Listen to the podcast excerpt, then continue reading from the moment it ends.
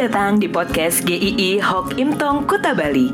Penginjil Ray Reginaldi akan membagikan renungan harian singkat untuk membawa Anda mengenal dan menyembah Tuhan Yesus, bertumbuh dan menjadi murid Kristus, serta berdampak untuk banyak orang.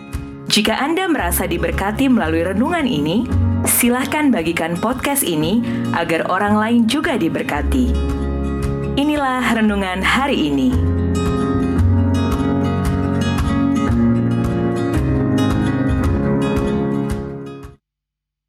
Alasan utama bersyukur. Mazmur 66 ayat yang kelima. Pergilah dan lihatlah pekerjaan-pekerjaan Allah.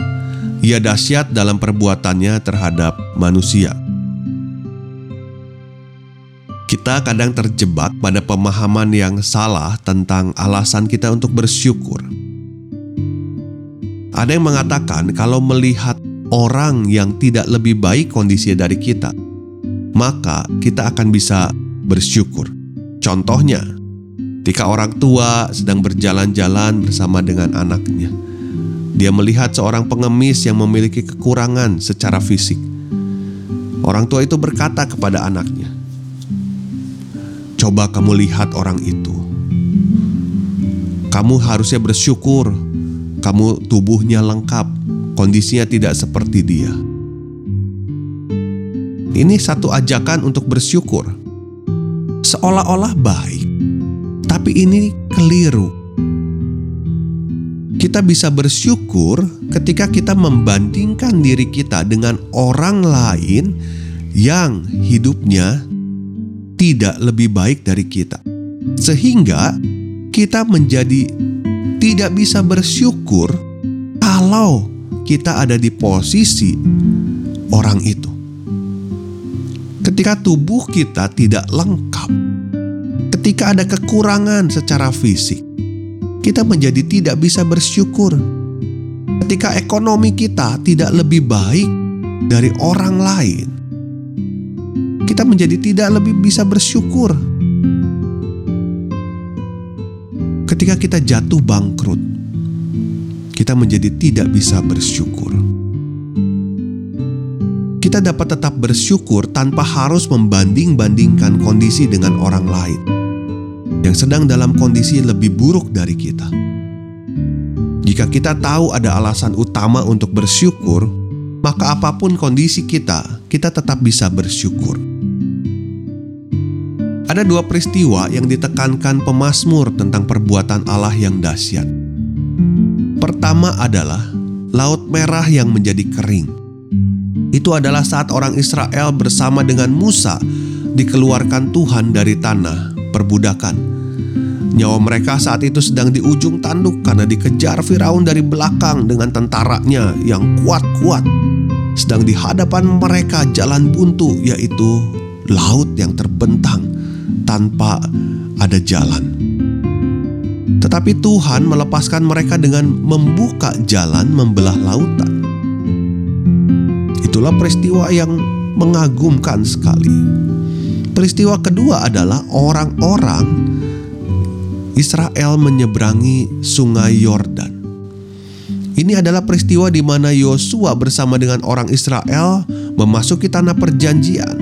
Mereka menyeberangi Sungai Yordan dan sungai itu dibuat kering oleh Tuhan juga sehingga orang Israel bisa menyeberang. Dua peristiwa ini adalah karya keselamatan Tuhan untuk orang Israel. Keluar dari perbudakan dan masuk ke tanah perjanjian setelah 40 tahun berjalan. Kesamaan dari kedua peristiwa ini penyebabnya adalah Allah saja. Dan ini tentang karya penyelamatan Allah yang hanya dialami oleh orang Israel sendiri, yaitu umatnya.